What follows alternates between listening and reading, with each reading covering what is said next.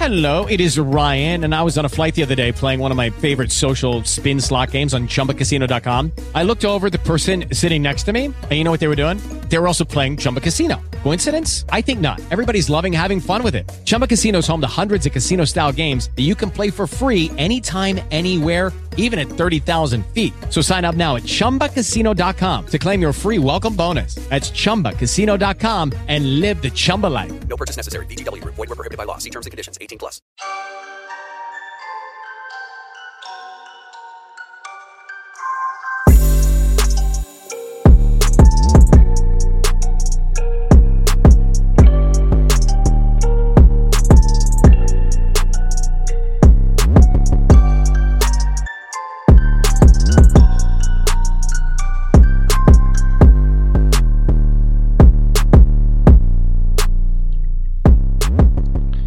Hamını salamlayırıq. Utopiyanın 11-ci buraxılışına xoş gördük sizin hamınızı. Bizim əhval ruhiyyəmiz çox bombadır. Çünki bu gün çox bomba qonağımız var və mənlə bu gün speaker Akşın Vahabzadə olacaq. Ey ey ey ey ey, necəsən Yusif? Yaxşı, Akşın, sən necəsən? Mən də yaxşıyam, çox sağ ol. Necə gedir işlərin? Hələ ki qaydasında dedik də tezdən karantin başlayacaq, amma uje başım buraxmışıq da söhbətdə. sən Hmm, orası necəsən? öz yerində. Mən də yaxşıyam. Səndən demək olar ki, eyni vəziyyətdəyəm. İndi isə hər buraxılışda olduğu kimi bu günlərdə bir qonağımız var. Aylardır hamının gözlədiyi tanınmış rap artisti Canan aka 21 Rave. Ya ya ya ya ya ben buradayım. Gang. Necəsən? Canan? Sağ ol bro. Siz necəsiniz? Neyinirsiniz? Yaşamağa çalışırıq da elə ki qaydasında da hər şey. Hələ ki, yaxşıdır hər şey. Ha, bomba kimi. Qabaqdan elə Novruz zaddı gəlir, prosta atmosfera yoxdur da yəni heç yerdə. Sən necə? Canan? bro bu arada. Çox sağ ol. Biz də səni təbrik eləyirik. Neçə belə Mən bayram yaxşıyam. var. Ee, burada olmaq daha da xoş təsir bağışlayır. Ona görə daha yaxşıyam bu gün. Çox sağ ol. Yeah. Deməli, onda başlayaq suallardan. Biz həmişə qonaqlarımız gələndə bəzi dinləyicilərimiz tanımaya bilər, amma səni böyük bir ehtimal hamısı tanıyacaq. Amma yenə də biz istərdik ki, özün haqqında qısa bir intro verəsən. Ee, mən 21 Ravi e, hamının başa düşəcəyi dillə. Twin Rave musiqiçiyəm, musiqini sevirəm və onunla məşğulam. E, istədiyim, eləmək istədiyim çox şey var. Qabağımda uzun bir yol var və bu yolu gedirəm. E, yaxşı da elədiyimi düşünürəm. Yəni məsələn, ən azından sizin kimi insanlar dəyər verib belə yerlərə çağırırsa, nələrəsə qadir olduğumu düşündürür bunlar mənə. Qalan da Yes. ki, ə, internetdə yaşayırıq, internet dövründə insanlar bir neçə klik eləyib mənim haqqımda çox şey də öyrənə bilərlər ona görə. Ə, keçmək istəyirəm artıq bu hissələri. Okay, maraqlıdır. Kənan çox sağ ol bizim dəvətimizi qəbul etdiyin üçün. Eee ilk sualımla başlamaq istəyirəm. 21st Street label haqqında sənə biraz sual vermək istəyirəm. Ümumiyyətlə sizin labelın yaranması haqqında bizə qısa məlumat verə bilərsən? Yəni Fəridlə tanışdıq, ondan sonra sizin komandanın qurulması, orada baş verən hadisələr. Yəni e, sən Raperican'dan intervyuda danışmışdın bu haqqda. Bizə sadəcə maraqlıdır ki, e, həmin o proses necə baş verdi? Ümumiyyətlə komandanın qurulmasında çətinliklər, Hmm. Fəridin özü ilə tanışdığı bu ümumiyyətlə bu prosesin, labelin yaranma prosesi necə baş verdi? Ə, bro, belə deyim də, mən ə, o vaxtı hələ musiqi tez-tez başlayanda ə, bir yandan da universitetə hazırlaşırdım. Universitetə də hazırlaşanda kursa edirdim də. Həmin kursda ə, Fəridlə tanış olmuşam ki, həmin vaxtlar nə Fərid belə çox dizayna necə deyirlər, çoxlu bir progressləri falan var idi indi kimi. Nə mənim özüm heç bir musiqi göstərirdim. Ə, Mən onsuz Qurbanla sinif yoldaşı olmuşam. Yəni Qurbanla həmişə tanış Mhm. olmuşuq da biz. Ə, Heç nə Fəridlə irəlilətdik, bir-birimizi tanıdıq, gördük ki, enerjimiz tutur. Bir növ dost olduq da, yəni. Ondan sonra heç nə, yəni baxırıq ki, əlimizdə, yəni mən varam, məsələn də Qurban var, Fərid var. Yəni biz artıq ə, bir nəfərin işi deyil də bu, bir nəfər öz işini görmürdü. Yəni biz 3 nəfər idi artıq və bir-birimizi tanıyırıq. Yəni nə etməliyik? Bunun artıq ə, tək bir cavabı var ki, bir qrup yaranmalıdır. Yəni bu qaçınılmaz idi də bir növ.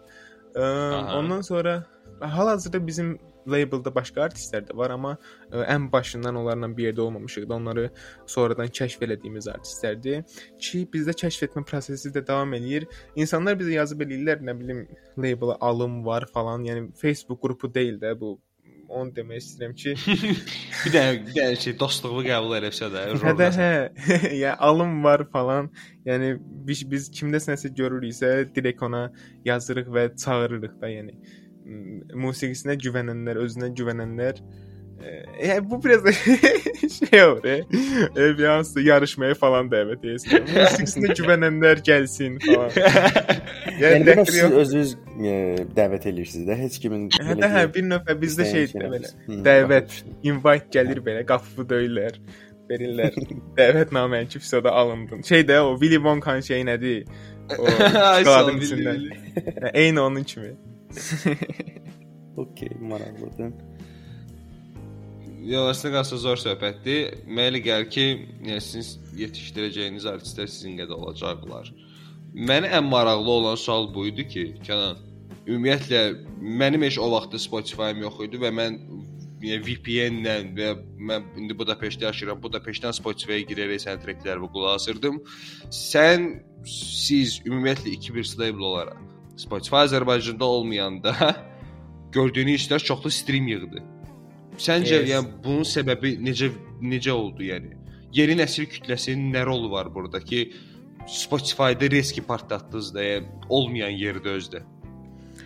Bro, mən bu suallar həmişə gəlir. Bilsən necə? Bizdə çox, yəni bizdə ən başından bəri yön, yönəlim ona tərəf olub da. Yəni bu platformalar tərəf olub. Bizim e, Türkiyə ilə əlaqələrimiz var, xariclə əlaqələrimiz var. Bizdə e, sadəcə yəni okay trackimi paylaşdım. Hə indi oturub tanrıya dua eləyə bilərəm ki, insanlar bunu görsün. Belə deyil də. Yəni biz bir şey eləyəndə onun hər tərəfli maraqlanırıq, hər tərəfli nə qədər nə əlimizdən nə gəlirsə hamısını eləyirik. Yəni həmçinin Spotify-da da e, playlistlər olsun, Spotify-ın özünün yaratdığı playlistlər olsun. E, biz yəni radarlara artıq düşürük də. Yəni bu ən başından da belə gəlir. Ona görə yəni, yəni hal-hazırda da production belə... işi güclüdür də. Yes, yes. Hal-hazırda da yəni girib biz Spotify artistdən baxanda, yəni 90% dinlənmə Bakının özündən gəlir də. Əvvəllər düz idi bu, yəni Bakı regionu olmadığına görə göstərilmirdi, görsənmirdi də. Amma hal-hazırda da bu özü belədir. Yəni insanlarda başqa düşüncələr yaranmasın da sadəcə bunu demək istəyirəm. Okay. Ə, dediyinlə mən də razıyam əslində belə baxanda, amma düşünürəm ki, Spotify artıq Azərbaycana gəldiyi üçün streamlərin sayı ən azı 1.5 daha çox olacaq. İndi ya 100%, 100%.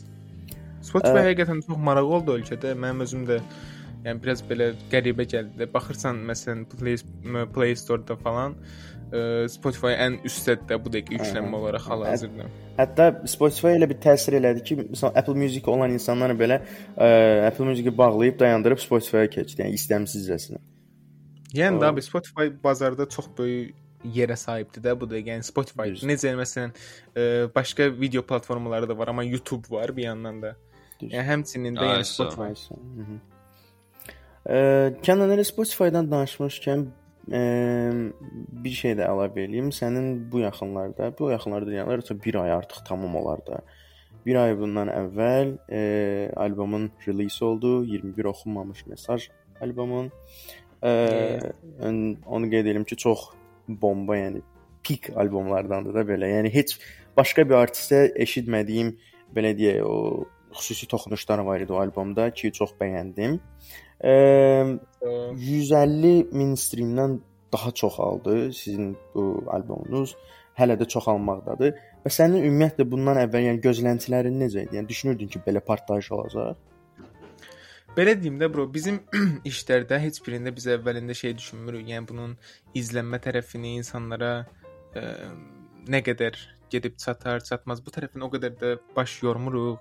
Çünki yəni ən başda biz yəni ən birinci, ən birinci musiqiyə başlayanda qurbandan sadəcə özümüz dinləyək deyə başlamışıq da musiqiyə başa düşürsən. Yəni biz adicə bir trek işləyəndə də gedib özümüz ona qulaq asaq, özümüz ə, həzzalıq deyə eləyirik ki, biraz da bizim elə bir ki qulağımız var e, insanlar, insanlara buradan səslənirəm. Biraz bizim e, zövqümüz var e, və biz özümüz üçün nəsə eləyəndə, özümüzə zövq verən nəsə eləyəndə bu artıq e, istəmədən belə insanlara da zövq verir, çünki iş yaxşı olur. E, qalan bu partlama söhbətlərinə gələndə də yenə də bura partlamasaydı mənim üçün heç nə dəyişməyəcəkdi. Hal-hazırki vəziyyətdən də məmnunam. Yəni bundan əvvəl dediyim kimi bunu oturub düşünmürük. Yəni bu belə partiyar, elə partiyar düzdür bir strategiya belirləyirik ki, bunun harda reklamı getsin, necə getsin. Amma e, hüsrana da uğramarıq da, yəni alınmasa bu. Amma məncə sizin albomun yəni release-dən sonra PR-ı çox yaxşı getdi. Həm release-dən əvvəl, həm release-dən sonra ümumiyyətlə PR-ı çox yaxşı elədiniz. Ona görə də yəni də partlayışın ən əsas səbəblərindən biri də elə o idi. Reklamın özü. E, Yəni Instagramda hər yerdə kimi follow edirdiksə, hamı Kənan Kənan albomları hər yerdə idi. Sonra release oldu, qulaqdıq, hamı ləzzət elədi. Albomun özünə gələndə Kənan, ə, orada bir dənə track var idi. Mənim ən sevdiyim, ümumiyyətlə albomda ən sevdiyim track odur. Ə, Falling for You. aha. Falling for You tracki ümumiyyətlə kiməsə həsr olunub, yoxsa I'm falling for sadəcə you. düşüncələr idi. Bro, o deyim ki, mən o treki iş, o trek ortaya çıxanda elə bil ki, yəni qrupa bir də onu dedim ki, kaş bir dənə Hindistanlı bunu götürüb şey eləyək də, TikTok çəkək də buna. I'm falling for you, baby girl. Beləsi deyə o o qulaq asmaq istəyirəm də sadəcə. Hindistan aksentini çox sevirəm mən ona görə.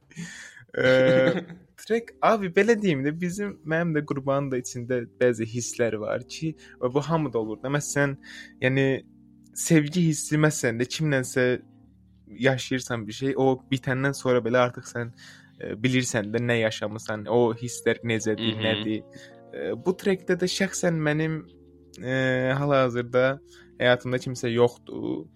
E, yəni o trekdə tam olaraq yəni yazıldığı biri də yoxdur. Amma e, bu fake-dir demək də deyildi. Mənim içimdə o istər onsuz da var və e, sözü dolandırmasaq, yəni yox. bu suallarda yox. Yəni sadəcə ya- yaşad əvvəl yaşadığın ə, şeylərin üstündə qurulmuş bir şey idi. yes, yes, 100%. Ya da ki belə o Mhm. içdən gələn belə xəyali bir sevgiyə belə deyə də e, yazırsan onu. Elə bir şey olur. İçdən gəlir. Ha. Və sənin özünün albomda spesifik belə xoşuna gələn favorite track-ın hansıdır? Hmm. Yəni hamısı evladım kimi olsa da klişe cümlələr. Um, hmm, bilmirəm, unutqan yaxşıdır da, yəni unutqanı özüm bəyənirəm. Unutqan heç. Mən Unutqanın e, YouTube-dakı live versiyasını, track-ın şey, e, daha doğrusu Spotify-dakı versiyasını daha çox bəyəndim. Bilmirəm niyə, o canlı ifa daha çox xoşuma gəldi. Amma onun məqsədi onsuz da o idi ki, yəni də ikisindən birini seçsin, insanlara Hmm. seçim sunmaq idi. Oxunuş tərzi biraz fərqlidir. Ona görə nəsə e, həmin o live daha çox ürəyimcə oldu. Amma belə qəşəng trackdir onu. Zor. Ə, Kənan biz Falling for You-dan danışdıq. Sənin albomun okey, onsuz da hamı mənə elə gəlir hamı bizi qulaq asanlardan 100% sənin albomu qulaq asmış, rate eləyib. Albomdan qabaq bir dənə track çıxdı, hansı ki daha da bir dənə dəng oldu da, yəni başqa cür şey Darmadağın verdi. elədi də. Reski birdən hər yerdə Spotify hamısını dağıtdı da. Yəni bilmədim gözlədiyiniz ajotaj idi yoxsa yox, Karamel treki çıxdı. Biz bunu Eynulayla podkastda da dedik ki, yəni Karamel treki başqa bir şeydir. Yəni həm səs baxımından, həm production baxımından ümumiyyətlə başqa səviyyədə işlənilmiş bir şey idi. Mənə e, biz Eynulayla e, podkastda olanda biz bu sualı vermişdik. O bizə demişdi ki, Kənan nə vaxtsa sizə qonaq gəlsə, o sualı özünə verərsiniz. Niyə? Trekin adı Karameldir. Ayda. Eee, bro, belə deyim də, o track, eee, o tracki mən Semi ilə işlədim. Semi yəni bitirəndən sonra bilmədim də bu solo olsun, olmasın, qaldım belə. Ondan sonra heç nə Eynullah ilə tanışdıq falan. Eynullah deyirəm özünə. Eynullah, An- Anatoli, Anatoli ilə tanışdıq. Eee, Yeah. və mən ona atdım tracklər ki, bax da yəni belə bəyəndiyim Okay, round two. Name something that's not boring. A laundry? Ooh, a book club. Computer solitaire, huh? Sorry, we were looking for Chumba Casino. That's right. ChumbaCasino.com has over 100 casino style games. Join today and play for free for your chance to redeem some serious prizes. ChumbaCasino.com. No purchase necessary. Void where prohibited by law. 18 plus terms and conditions apply. See website for details. Step into the world of power, loyalty, and luck. I'm gonna make him an offer he can't refuse. With family, cannolis, and spins mean everything. Now, you wanna get mixed up in the family business. Introducing The Godfather at ChumbaCasino.com. Test your luck in the shadowy world of The Godfather slot. Someday, I will call upon you to do a service for me. Play The Godfather now at ChumbaCasino.com. Welcome to the family. VGW Group. No purchase necessary. Void where prohibited by law. See terms and conditions. 18 plus. girə bilərik də. İlk karameli çox bəyəndi. Trekin karamel adının karamel olmasının belə xüsusi belə istoriyası yoxdur. E, yəni nəqarətin nəqarətdə çəkilməsindən də adı. Yəni karamel i, i, i orada götürüb qoymuşuq. E, amma yəni karamel kimi oğlanlarıq da məncə. şey konkret söz idi. ya, Karamel kimi oğlanlar. Trekin öz- ümumiyyətlə biti yığın. Semin çox qəşəng yığıb biti. Orada tarın yeri başqadır. O tarın giriş başlayanda başqa bir dənə həz gəlir. Tam şeydir, milli trapdir də. Hə. Yəni. Qəşəngdir. Bəs e, belə deyim də, indi okey, çıxdı, release oldu, partlatdı, çoxlu stream yığdı, elədi. Bəs səncə Enullahın hissəsi olmasaydı, track solo olsaydı, Daha zor Yəni, olardı, yəni, bro. Daha, daha bomba zor olardı. ya bu təbii ki, zarafat. Səncə nə dərəcədə belə Kesinlikle. uğurlu alınardı əgər solo olsaydı? Bro, yəni dediyim kimi də bu onsuz da solo idi bu track. Yəni bu track onsuz da solo yazılmışdı. Sadəcə mən sonra gördüm ki, yəni bu trackin nəqarəti şeydi, solo istəmir də, bir fərqli bir şey daha istəyir, başa düşdün? Ona görə ə, Anatoliya apardım bu tracki. Yoxsa ümumiyyətlə heç, yəni bi- bizdə belə də bro, bizdə şey olmur. Ayda bro bu trackdən xoşun gəldi, onunla gəl gir. Belə deyil də. Yəni əgər bu track Mhm. solodursa solodur, fitsə fitdir. Aha, okey. Yəni Enullahın söhbəti heç olmasaydı solo qoyacaqdın, yəni sil, qırağı qoymayacaqdın tracki. Yo yo yo. Qəşəng. Okey, maraqlıdır. Ə, bəs belə bir sual. Məsəl üçün Eynola ilə featuring alınmasaydı, beynində başqa bir şəxs var idi ki, alternativ planda ki, birdən Eynolanın xoşuna gəlməsə beat və ya tərzincə olmasa, başqa bir alternativ adam var idi ki, onunla featuring eləyə bilərdin. Hmm, bu sual yəqin ki şeydir, yəni VVS-dən də başqa, çünki Ha, təbii ki. Aha, qurbandan da var. VVS, Yes, yes, yes, yes, yes. Hmm, əslində yox idi. Yox idi yəni. Amma olsaydı ki, yəni məsələn Anatoli alınmadı, başqa birini Anatoli deyirəm bu arada. Eynola alınmadı. Hə, Eynola. Bu şimdi oturub başqasını fikirləşməliyəm. Hmm. Yəni bilsən necə? Bilmirəm. Həmin an fikirləşsən necə cavab tapardım. Okay. Okey. Məncə yəni indiki vəziyyətdə də qalsın trek, heç ona heç kim toxunmasın, belə də zordur. Hə də hə, 100%. E, biz karameldən danışdıq, amma karamelin belə deyək də, o pərdə arxası bəzi olan hadisələri var, hansılar ki, qulağımıza qusok-qusok çatıb bizim maraqlı söhbətlərdir də. Hı. E, əsas da orada nəsə bir lift söhbəti var idi. E, bir bir yaxşı dostumuz bunu danışmışdı bizə. O lift məsələsinə bir dənə aydınlıq gətirə bilərsən? Necə olmuşdu o söhbət? Bro, lif Belə deyim də, mən deməli əslində bu karamelin yazıldığı gün idi ya yox, bilmirəm, yadımda qalmayıb. Amma çox güman ki, karamel də həmin gün yazdı, yoxsa hmm, yadıma düşmür. Amma yəni də əslində də hardasa bağlantısı da var da. E, Mən heç evdə oturmuşdum. Mhm. Bekarçılıq idi bilmirəm. Gecə saat 12-1 olardı hardasa. İndi mənim telefonuma mesajlar gəlməyə başlayır. Elçin, Yiz. E, Bir də Eynullah da tapbata mesaj yazırlar. Mən bilmirəm hansına baxım da. Elçinə baxdım nəsə də bro çox bomba beat yığmışıq. Bir dənə gedə bilərsən Eynullah gilə bir dənə onu zaps eləyin zap. Eynullah'a baxıram yenə o da eyni sözlər yazıb. Davay da bro bir dənə gələ bilirsən, bir dənə belə-belə bir şey var. Dedim ki, okey də, yəni çox hypelanıblar görürlər. Mən də şey eləmək istəmirəm də. Uzanıb yatmağımı qurban verə bilərəm də bunlara belə baxıram. Dedim ki, həysə də gəlirəm. O şimdi çıxdım, getdim. Bir dənə o track də deyəsən Eynullahın albomunda olacaq. Ee, nəysə oturduq başladıq treki yazmağa. Ondan sonra biz Fərid bu arada Fərid, Eynullah mən hardasa yaxın məhnələrdə yaşayırıq. Hardasa 5 dəqiqəlik falan yol var. Aha. Ə, ondan sonra Fərid yazdı ki, mən də gəlmək istəyirəm də. Dedik, okey. Bizdə də qapılar şeylə açılır, təbii ki, domofonla açılır. Aha. Ə, amma Eynula gitdi domofon yox idi də. Başım Eynula dedi ki, davay da mən düşürəm aşağı Fərdiyə ötürməyə. Gələcəm də indi. Ə, dedim, okey. Qapını falan açıq qoydu, çıxdı. Mən də qulağımda naşnik, başım treki bir yandan şey biraz mix edirəm, bir baxıram görüm nə baş verib falan. O- Otururam back falan verirəm. Ondan sonra bro bir yerdən sonra hiss eləməyə başladım ki, ev soyuq olmağa başlayır. Şaşdım artıq ya 3 dəqiqədən daha çox keçib də. Nəsə niyəsə yenə şey becə almadım. Eynullaya bir dənə yazdım ki, bəs harda qaldınız? Atdım telefonu, getdim yenə back verməyə davam elədim də. Ondan sonra baxıram ki, Eynulla bir xətti, Fəriddə bir xətti. Artıq yəni mənə yavaş-yavaş dınq eləyir də söhbət nə yerdə başa düşdün? Eynullanın da ailəsi var evdə. Ailəsini oyatmaq istəmirəm. Deyirəm indi daha da bir problem falan yaranar birdən. Ya nəsə olar, ya saat 2-dir, neçədir, nəsə baş verib 100% falan. Hə, heç nə. çıxdım, qapıdan çölə çıxdım. Liftə tərəf qulağımı dayadım. Gördüm ki, liftin içindən bir dənə səs gəlir.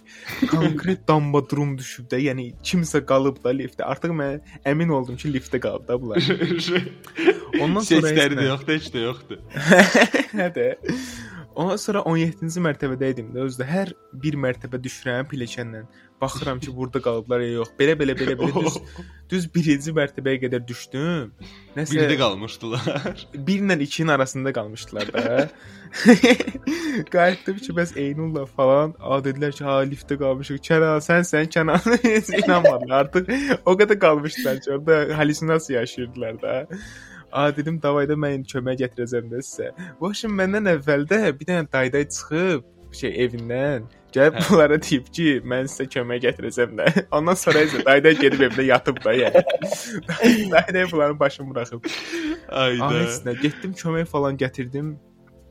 Nəsə bunlar çıxdılar. Bunların çıxdığından da mən xəbərim yoxdur ya. Mən hələ də birinci mərtəbədə yazıq kimi gözləyirəm də bir yandan. Ondan sonra isə Fərid mənə telefon yazır ki, qalx da day. E qalx da day deyəndə ki, mən sizi gözləyirəm. Dostum, necədir qalx da day. Bəxtə səni gözləyirdi, qalx da da. yəni də bro, belə bir hadisə. Ondan sonra isə mən ayaqla qalxdım yenə 17-ci mərtəbəyə. Niyə Elifdən qorxdun ki, sən də qalasın? Hə.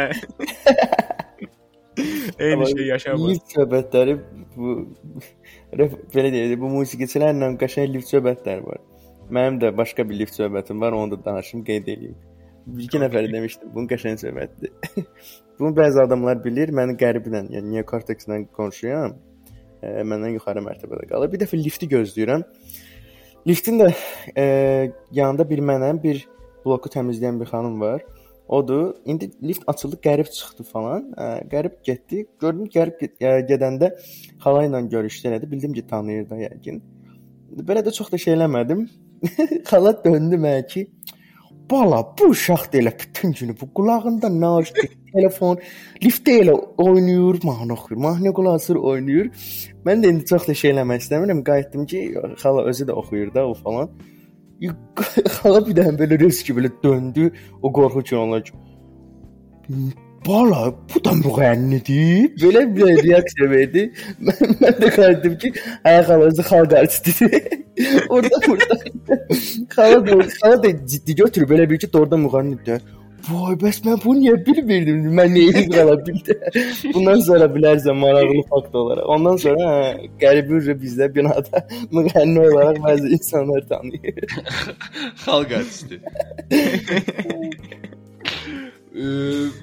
Karamel söhbətində hər şey lift söhbətində elədi. Bu gün bizə Kənan çox maraqlı bir dənə trek gətirib.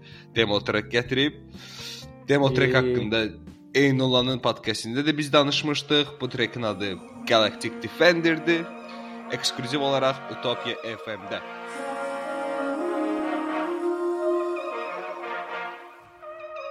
I love you, Bobby. That boy is Benny Hanna.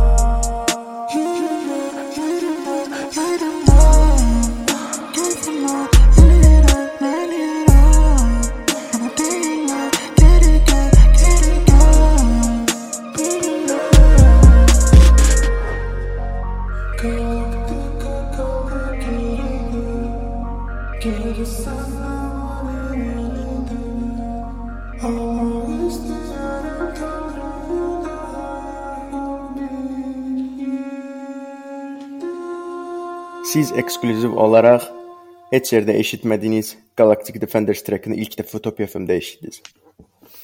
Kənan, sənə başqa bir sual vermək istəyirəm. İndi hal-hazırda trenddə olan bir çox treklərdə diqqət eləmişik ki, bu ə, xarici slang ifadələrdən ə, çox istifadə olunur. Ə, yəni söyüşlər olsun, N-word olsun, nə bilim, bu şəkildə gangster ifadələri falan. Yəni, sənin ümumiyyətlə buna münasibətin necədir? Yəni sənin musiqilərində falan eşitməmisən. Yeganə artistlərdənsən ki, musiqiçilərdənsən ki, sənin treklərində rast gəlmirəm mən belə şeylərə. Ə, ümumiyyətlə sənin bu mövzuya münasibətin necədir? Səncə yəni bu rep artistləri, musiqiçilər bu ifadələrdən istifadə etməyə məcburdularmı? Bro, ə, mənim treklərimdə slenglər var, amma N-word yoxdur. Yəni bir növ belə deyim də, bu onların mədəniyyətidir. Yəni açıq-aşkar hamıya bəllidir də və ə, onların mədəniyyətində olan, onların aralarında olan sözlərdən istifadə etmək okey bir şeydir. Amma qaldı ki N-word, N-word bro. Yəni bu sadəcə irqçilikdir də. Yəni başqa, yəni buna başqa bir ad verə bilirsinizsə, okey, mənə aydınladın da burada, amma mən yəni mən özüm işlətmirəm və doğru da görmürəm. Yəni ola bilər məsələn hansısa reperin ə, qara dərili dostu var və o ona tutalım da öz aralarında zarafatlaşmaq üçün N-word pass verib də, yəni okeydir, danışa bilərsən, onu eləyə bilərsən. Amma yəni bu sənə icazə verirmi ki, sən 100 minlər izlənən, lap 10 minlər izlənən və yaxud milyonlar izlənən trekində ə, çıxıb bunu işlədəsən, bunu deyəsən. Yəni sən o 2 milyon hamısına, 10 milyon, nə bilim neçə milyon hamısına oturub bir-bir deyən deyirsən ki, mənim belə bir dostum var, o mənə pass verib, mən onu nəzərdə tutub deyirəm falan. Yəni bu okey bir şey deyil məncə. Bu türklərdə də mən onu görürəm. Ə, orada da məsələn Kontqar ə, tweet falan atır ki, yəni bu okey bir şey deyil də. Yəni həmçinin burada da mən demək istəyirəm ki, yəni bu həqiqətən okey bir şey deyil. Çünki bir daha qeyd edeyim, bu irqçilikdir. bu başqa bir adı yoxdur. Yəni açığı da, yəni sən demiş onların mədəniyyətinə xas olan bir şeydir. Bizdə elə bir şey yoxdur və e, düzgün olmaz da sən trekkində o ifadəni işlədəsən və sənin dediyin o söhbət hansında ki, tutaq ki, sən dostuva deyək, məsəl üçün deyirsən də bir qara dəlli dostun var falan onu maksimum, yəni o həddə okey olar ki, bəlkə də klipdə həmin dostuvu oynatmısan, orada misal üçün ifadə edib, o belə yəni belə baxanda düzgün deyil də. Çünki yəni sən tək ona demirsən də, ümumiyyətlə bir söz olaraq bütün o və onun kimi belə deyək də eyni irqdən olan insanlara aid olunur ki, bu da irqçiliyin pik nöqtəsidir. Eynən abi, eynən. Bəs səncə bizim e, bu həmin N-word istifadə edən artistlərə bu e, N-word pəsi kim paylayıb, kim verib bu pəsi? Vallahi bilmirəm ya bro, yəqin ki var da yəqin satılan bir yer var, gedib almaq lazım. Pula donat verirsən, donat elirsən, sən Enver pass verir. hmm. Amma nə bilim, əslində qalsa düz bizdə hətta bizim məndə elə olur ki, burada treklər. Hello, it is Ryan, and we could all use an extra bright spot in our day, couldn't we? Just to make up for things like sitting in traffic, doing the dishes, counting your steps, you know, all the mundane stuff. That is why I'm such a big fan of Chumba Casino. Chumba Casino has all your favorite social casino style games that you can play for free anytime, anywhere with daily bonuses. That should brighten your day a little.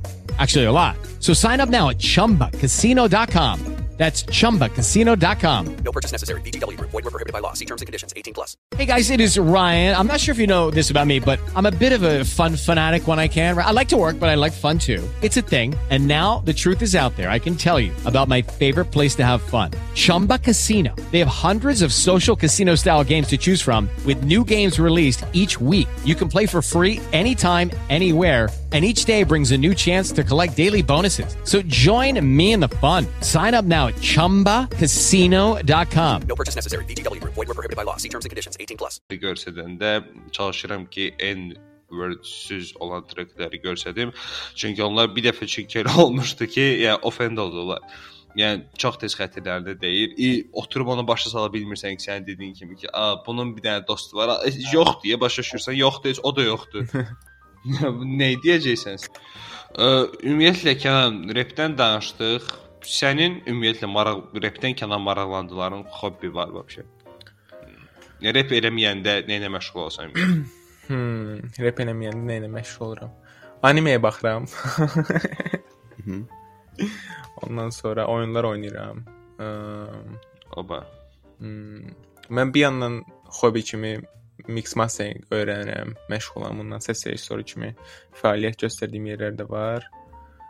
Əm, başqa, bura nə bilim, əyləncə verəcək, mənə əyləndirəcək hər şeylə məşğul ola bilərəm məncə. Hal-hazırda məşğul olmasam belə. Mhm. Sənin e, belə bir e, belə deyək xasiyyətini öyrənmişdim bir nəfərdən. Deyilənə görə sən heyvan sevərsən və heyvan sevərliyinə maraqlanırsan. Daha Yes, çox da bro, yes, pişik- 100%. Pişik saxlamağa falan belə e, sevgim var. Bro, saxlamağa sevgim var, sadəcə pişiklər məni sevmir. Niyə görə? Bilmirəm, e, bro, mən bir neçə dəfə cəhd eləmişəm, hətta çox maraqlı. Necə yəni sevmir? Pişiklər imkana görə kimi hoppanlar üstədə. Pişiklər mənə gələn kimi get the fuck out of here falan eləyib gedirlər. Aa, Bro, belə deyim də, mən bir neçə dəfə evə pişik gətirmək hadisəm olub, gətirməyə cəhdim olub, amma alınmayıb da, yəni ona görə deyirəm ki, məni sevmirlər. Yəni belə deyim də, bir neçə dəfə olub ki, məsələn də pişik mənlə gəlir, qucağıma ötürürəm, gətirirəm, gətirirəm, yolun yarısında məni cırmaqlayır, eləyir, atlanır yerə də, çıxır gedir də o şey. Mən gedirəm, deyir, çıxır gedir. Ə, amma yəni ən başarılıya yaxın biri olmuşdu. Ə, deməli mənim hər dəfə Fəridlə görüşdüyüm yerdə orada bir dənə pişik otururdu. Həmişə orada qalır. Biz onu həmişə oynadırıq, sonra çıxıb gedirik də. Ə, bir dəfə heç də Fəridlə sağollaşdım, gördüm yenə ordadır. Nəsə oynadım bundan, durub gedəndə gördüm ki, arxamca gəlir də. Nəsə gəldi, gəldi. Okay, bir yerdən sonra dedim ki, tamam da, gəl məndən, mən səni aparıram da evə. heç nə. Gəlir, gəlir, dayanır, dayanır, gəlir, gəlir. Dedim, hə də yəqin ki, nəsə var da. Artıq yəni bu qədər heç bir pişiklə bu qədər yol qət eləməmişdim də mən. Sonra bir yerdən sonra dayandı. Mən də fikirləşdim ki, hmm, yəni Minecraft oynayıram. Minecraftda məsələn də yemək verirsən, heyvanı evcilleşdirmək olur da, ev heyvan eləmək olur. Mən, mən də o məntiqlə girdim dükana, nəsə sosiska falan aldım, oradan bir şeylər elədim. Nəsə gətirdim, doğradım, verdim, yedi. Ə, ondan sonra isə çıxdı getdi. Ozdurdun getdi. Ayda. Ay-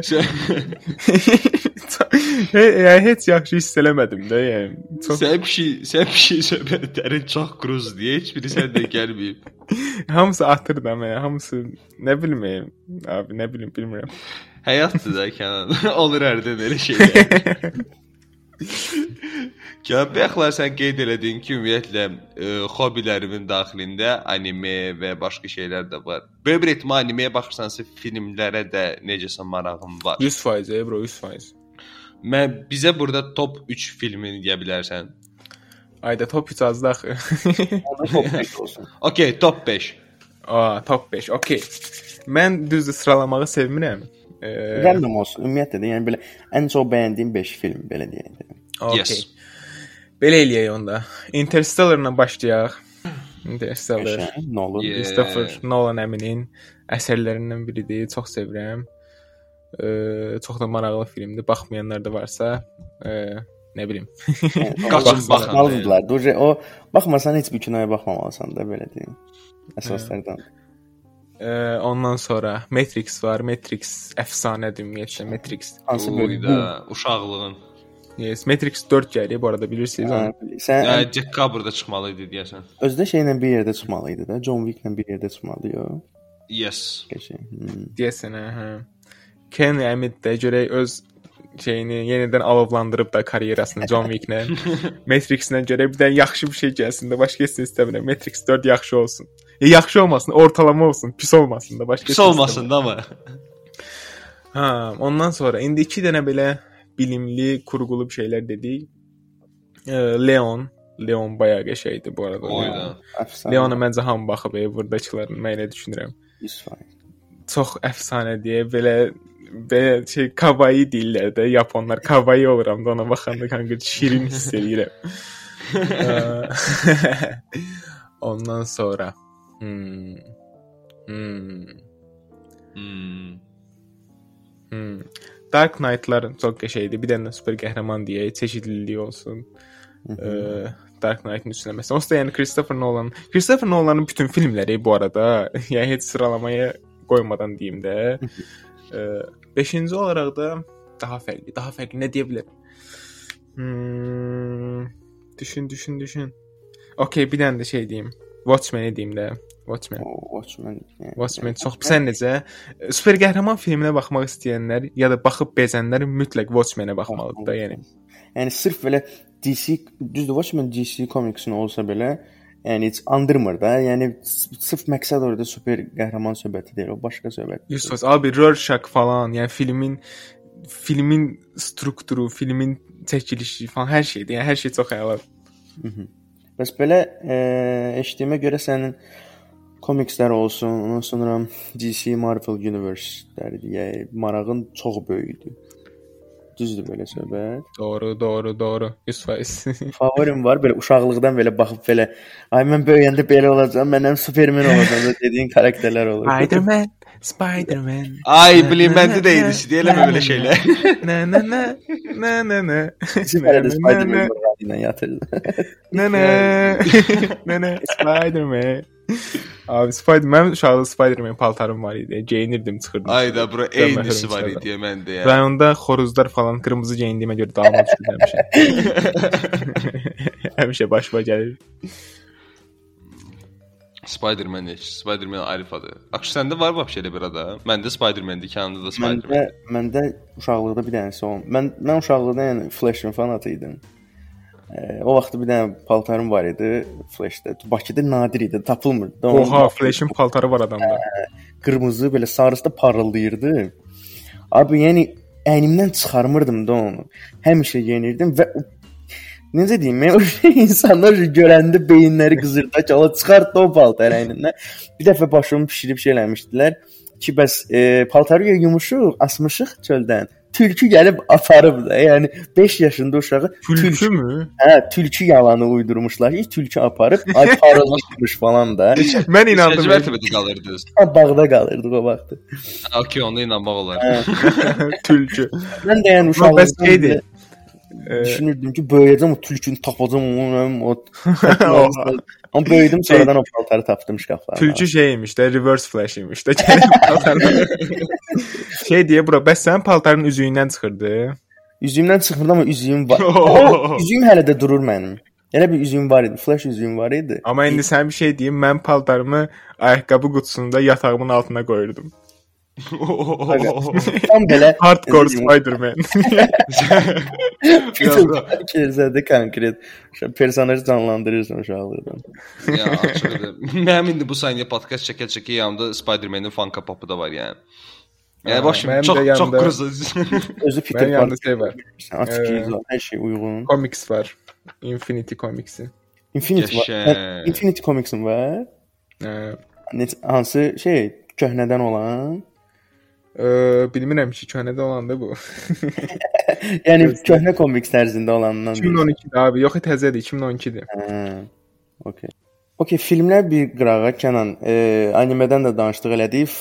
Bilirik ki, sən anime fanatısan və belə deyəsən albomunla bir yerdə, hətta albomun e, skiti də yəni də anime anime deməyəcəm amma reference gibi bir şey var idi orada təbii ki. Yes, yes. Ondan sonra sənin tweetin oldu ki, bütün anime sevərlər oyansın, nə bilim, nə mənlə əlaqə saxlayın və s. Xanə bu ölkənin animeciləri olmaqda. Favori animələrim var. Bir 3 dənə də ondan say. Bəlkə animeci izləyicilərim var. Hmm, bir dəqiqə telefonumu açım. Favori animələrim. Bir dəqiqə, bir dəqiqə. Əslində yox, kafadan deyə bilərəm. Ə, favori animələrim. Deməli, ə, bir nömrəyə Naruto-nu qoyuruq ilk öncə. Naruto-nu qoydum bir nömrəyə, çəkildim. Başqa heç əl dəymirsən. Qoydun, çəkildin. Ə, iki nömrəm Tokyo Ghoul-dur, amma ə, bu albomun da çox şeyində elə Tokyo Ghoul-a referans edirəm də mən.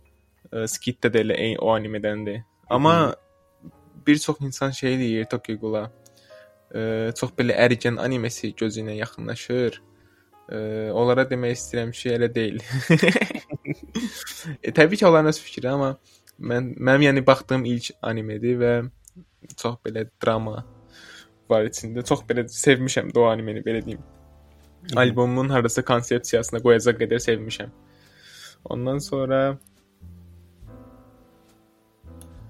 ım, üçüncü yerə Death Note-u qoyuruq. Çünki Death Note tək və Baxmısan yeganə Death Note-a? Bəyəndiyim animedir. Mən ümumiyyətlə anime fanatı deyiləm. Niyə görə? Çünki altyazıdan oxumağı heç sevmirəm. Adicə adicə yəni e, belə deyim, La Casa de Papel-ə belə baxanda ispan dilində olub şey eləmirəm də, subtitle oxuyamıram, məcburum ingilis tapıram. Death Note yeca- e, yeganə e, anime idi ki, tapmışdım ingilis dilində versiyasını. Oturub baxmışdım. Ondan sonra yəni, filminə baxdım, elədim. Hət, məndə hətta bir dənə onun şeyi var, instruction e, kitdir belə. İçində yazılıb necə istifadə olunmalıdır Death Note. Mən sanki varım falan. Ha, bildim, Otururam. bildim. Otururam ora şey, e, lazımsız new school ref referlərin adlarını. Hamısı öldürdü axırda. Hamısı özün aklınıza öldürsünə bir-birlərini. O Death Note-a yəni hamı baxıb da. Yəni mən də düz action kimi animeyə belə baxan deyiləm. Amma yəni Death Note must watch animelərdən biridir yəni. Yes, yes. Death Note çox maraqlıdır, bro. O oradakı temalar falan. Bilsən necə şey deyil, e, shonen deyirlər də belə döyüşlü, Yeah. vuruşlu, qaçıqlı belə anime. E, elə anime deyil. E, sırf orada beyin döyüşü gedir də başa düşdün. Çox maraqlıdır ona görə. Çox. E, ondan sonra Hunter x Hunter var. Hunter x Hunter e, belə macəra animesidir, amma çox belə pis yerdə qutarır. E, çox şeyin, çox sualın cavabını vermir də elə bir ki. Ona görə hələ də bir ümid e, davamının çıxmağını gözləyirəm. 5-ci yerə də son vaxtlarda da çox belə adı çəkilən Attack on Titan-ı qoyaq getsin də Attack on Titan. Titanlarla insanların davası. Ayda onu deyəsən baxmışam Titanların insanların davasına. Prosta heç vaxt yadımda deyil. Son sezonu bu dəqiqə gedir. Son sezon yəni çox belə bomba çəkiblər. Netflix-də də gəldi o. Konkret elə bir Christopher Nolan fikirləşib də axırını. Tam 10 minutda. Maraqlıdır Kənan. E, düşünürəm ki, bizi bundan sonra dinləyib animeyə başlamaq istəyən e, dinləyicilər də artıq sənin belə deyək də sa- sadaladığın animelərlə başlaya bilərlər. Ən azından bilirlər ki, belə deyək də. Yes, yes. Master əgər dabro verdisə, baxılmalılar. Gedib onlar da baxacaqlar. Animedən başqa animated serieslər də olurdu. Yəni e, hətta deyərdim Yes, sənə yes. DC Comics-in özünün elədiyi animated serieslər daha çox partladandı nəinki onların kinoları. E, Hmm, onları da baxıb elədiyim var, e, spesifik seriyalar. Ə, bir dənə şey var idi. Gözlə bir dəqiqə adı yadımdan çıxdı. Batman-in idi. Flashpoint. Ay şey, Yo, yo, yo. E, Ninja, Batman nəsə Ninja. On, on, onda deyəcəm bir də şey vardı. Maska, nəsə maska var idi adında. Phantom maska. Uh, Bat, Bat, Batman's Joke, ne, Joker's Bat Joke. Deyəsən animation var idi elə bir. Yadımdan Yo yo yo. Mask of Phantasm bro. Mask of Phantasm. Mask of Jokers. o dediyimə də baxmışam. Yo bir dəqiqə o şey hansı idi? Joker şeyi öldürür deyə Robin-i Robin-i. O şeylə, Killing. Red Hood, Red Hood. Red Hood'un olduğudur da. Sonradan Robin şey olur. Red Hood olur. Deyəsən. Hə, hə, odur. Prosta onun animationu var. Ha, sən dediyin şey diye e, bildim Justice League idi yoxsa Young Justice idi, nəsə belə bir şey idi. Hmm. Mən onu çoxdan baxmışam, ona görə bu dəqiqə xatırlamıram. çoxdanın da o da, hə, laf çoxdanın. Okay, ondan sonra şey var idi, Cartoon Network-da gedirdi. Belə daha mavi rəngdə Batman var idi, bir dənə paltarı mavi Aa. rəngdə. Məsələn Beyond belə bir şey idi. Şey zor Hə. idi, description zor idi. Daha mavi rəngli Batman. Batman amma daha mavi. Açılışında şey var idi, belə binalar qara rəngdə, sarı sarı hə, pəncərələr. Beyond idi, nəsə belə bir şey idi adı. Hə, nəsə elə bir şey olmalı. idi. Amma bax. Hə, O qəşəng o o Cartoon Network-ın şeydi də, o son stepləri idi də o belə. Hə, hə, hə. hə. Uşaqlıq xatirələrlə dolu olan Aa, vaxtlarımız. aa, Ondan sonra ürəyim. bozuldu da. Abi Cartoon Network bu arada əfsanə idi mən uşaq vaxtı baxanda. Adventure Time məsələn möhtəşəm idi də. Hə, Yəni. Ondan da əvvəl olanlar var idi. Onlar da yəni çox qəşəng vaxtlar idi əslində. Hmm, Hə, bəlkə də bilmirəm. yaşlı satılır bilmirəm. şey var sonra regular, regular show var idi. Hə, O heç də yəni. Onun, onun yerinə heç bir şey verəməz. O, o əfsanədir. Yəni belə ümumiyyətlə ə, anime animelər olsun, animated seriallar olsun, buna olan marağın belə deyim, çox ürəyimcədir. Çünki ə, belə deyim, pop culture ə, knowledge olan insanlarla söhbət eləmək maraqlı gəlir həmişə mənə. Sənin albom konseptində də görmüşəm ki, istifadə eləmisən bəzi şeylərdən. Yuxunun ə, yuxu trackinin ə, coverında da şey var idi. Nəsə Robot nəsə belə adı yadımdan çıxdı o serialın. Netflixdə də gedir. Love Bildim Death Love this ay sağ ol, hə, sağ ol. Ümumiyyətlə konsepti bəyəndim, ona görə də sənə də belə maraqlı fikir öyrənmək istəyirdim. Çox sağ ol cavablandırdığın Bundan üçün. əlavə şey də var ya. Baxdığım çox animasiya var. Ümumiyyətlə baxdığım çox şey var. Onların hamısını bu dəqiqə cəmləyib yadıma sala bilmirəm, amma Wall-E çox qəşəngdir. Baxmısınız ona? O Wall-E şey robot. Hə, hə. kosmosda Dünyanın şey zibilliyi Hə, basır. O Çox çoxdanın deyil. O up up şey animation çıxan vaxtlarda var idi o da. Hə, o dəhşət çox var, çoxdan deyir. Hmm. Nə olsun? Baxmaz var idi. Gözüm təzə açılırdı. O vaxtında o çıxan vaxt. Televizor şey idi. O fosforlu. Tük, əlimi yaxınlaşıb tüklərin biz-biz olan vaxtları idi. Mənim albomda referans etdiyim şey var. Megamind var. Megamind, yəni Oy da Megamind. Aynen. Ya, o o o animation belə deyim. Uşaqlıqda o bayaqlar qeyd elədim ki, kim şey ə, super qəhrəmanlar baxıb deyirdilər ki, "O mən buyam, mən bundanam" zırfırt özünə belə oxşadırım eləyirdi.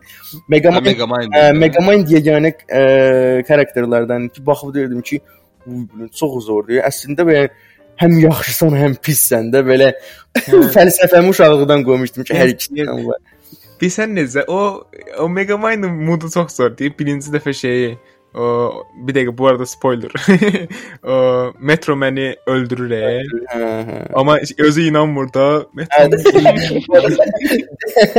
Deyir bu dəmir mənim güclərimi şey eləyir falan. Hə, şey dəmir deyil idi. Nə idi o?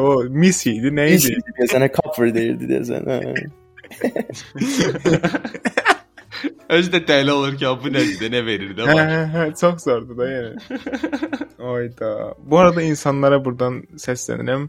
Həqiqətən çox animasiyaya baxmısınızsa artıq yəni ə, əzbərləmisinizsə məsələn də animasiyada hə də bu olur, bu olur, yaxşı adam gəlir, pis adam belə eləyir, bu olur, bu olur.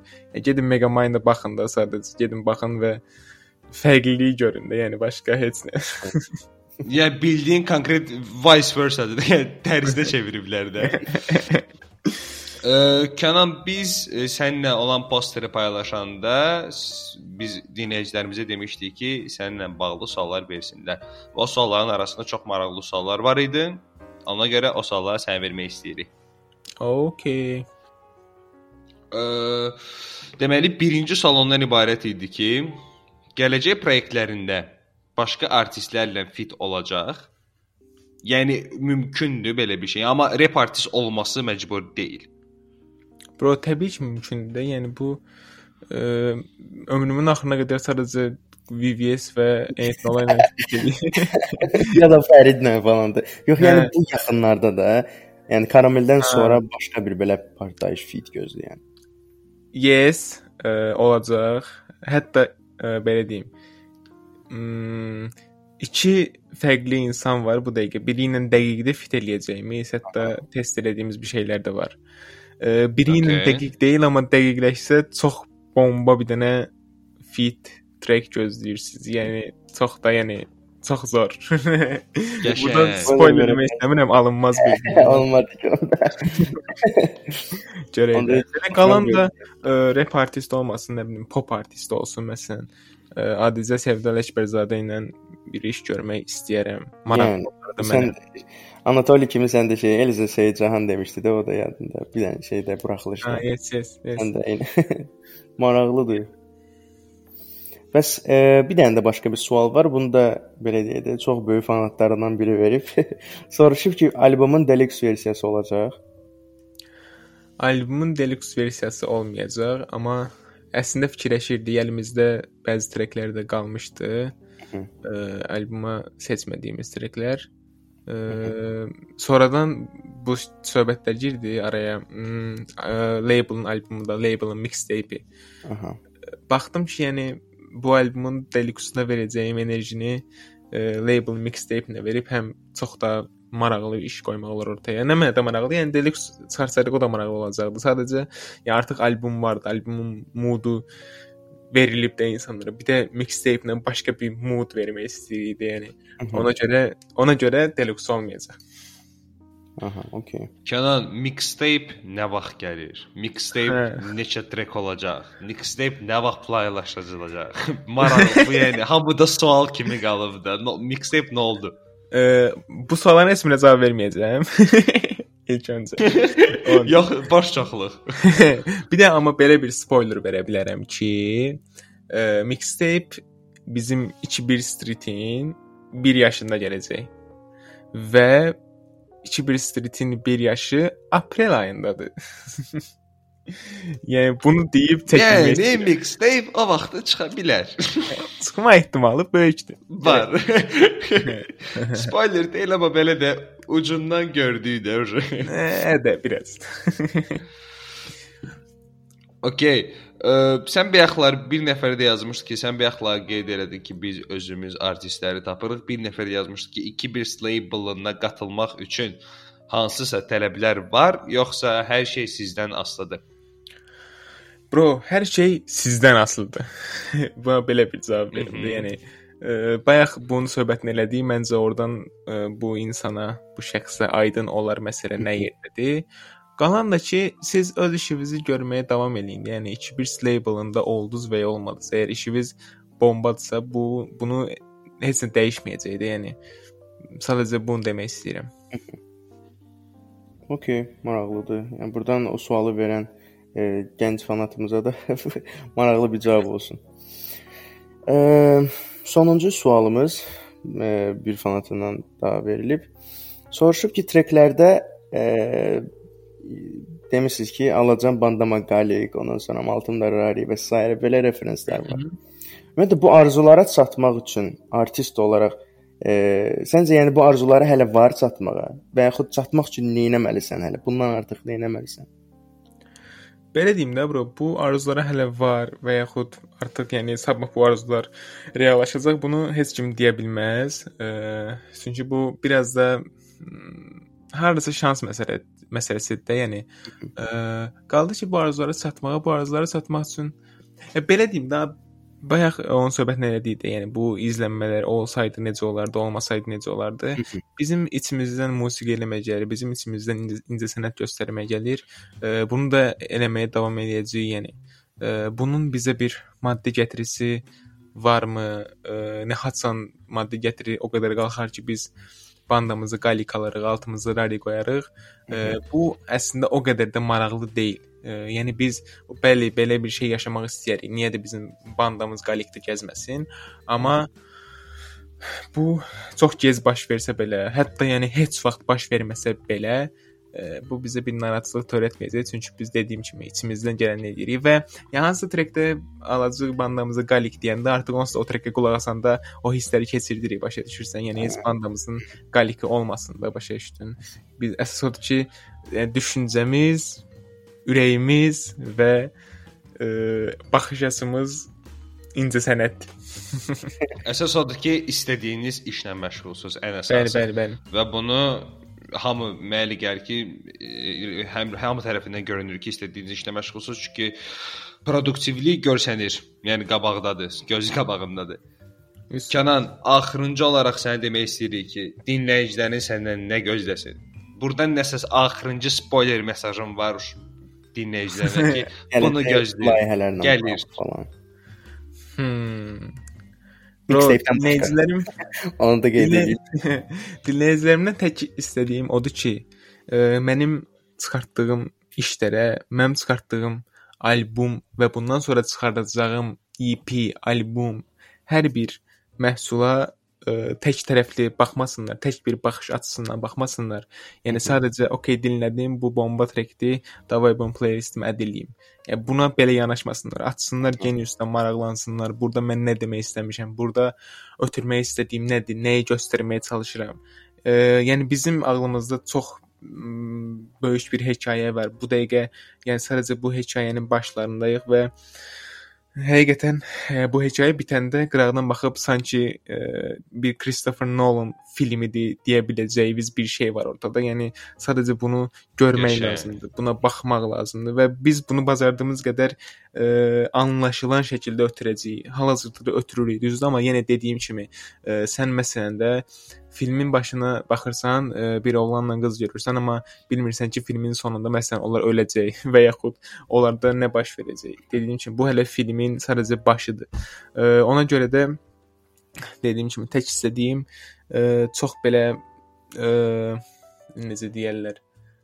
E, yəni bir növ dediyim kimi tək tərəfli baxmasınlar. Sadəcə daha çox araşdırsınlar bizim haqqımızda. Biz yəni veririk də məqalələr paylaşır Fərid orada. Burdan mən nəsə paylaşıram, Slack-də nəsə alt mətndə bir şey yazıram, ya nəsə gö göstərməyə çalışıram.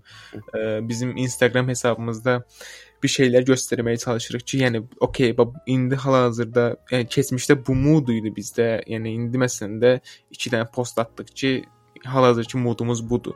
Yəni güncəl qalsınlar da, bir növ dinləyicilər güncəl qalsın. Başqa yəni istəyəcəyim bir şey yoxdur. Onsuz da e, bu dediklərimə e, fikir versələr, bu dediklərimə əməl etsələr, onsuz da elə bir moodun içinə girəcəklər ki, elə bir e, universe deyək də, orada Marvel, DC, yəni 2-1 Street Universe-ün içinə girməklərini istəyirəm və başqa heç nə. 21st Street şey universe. Çox baba Yes, yes. Və yəni Kənan çox sağ ol ki, bizim podkastda gəldin. Mənə elə gəlir ki, dinləyicilərimizin çox xoşuna gələcək çünki müxtəlif söhbətlərdən danışdıq, çox maraqlı, çox gülməli. yəni hər cür emosiya yaşadıq da podkastda. Çox sağ ol ki, bizim podkastda gəldin.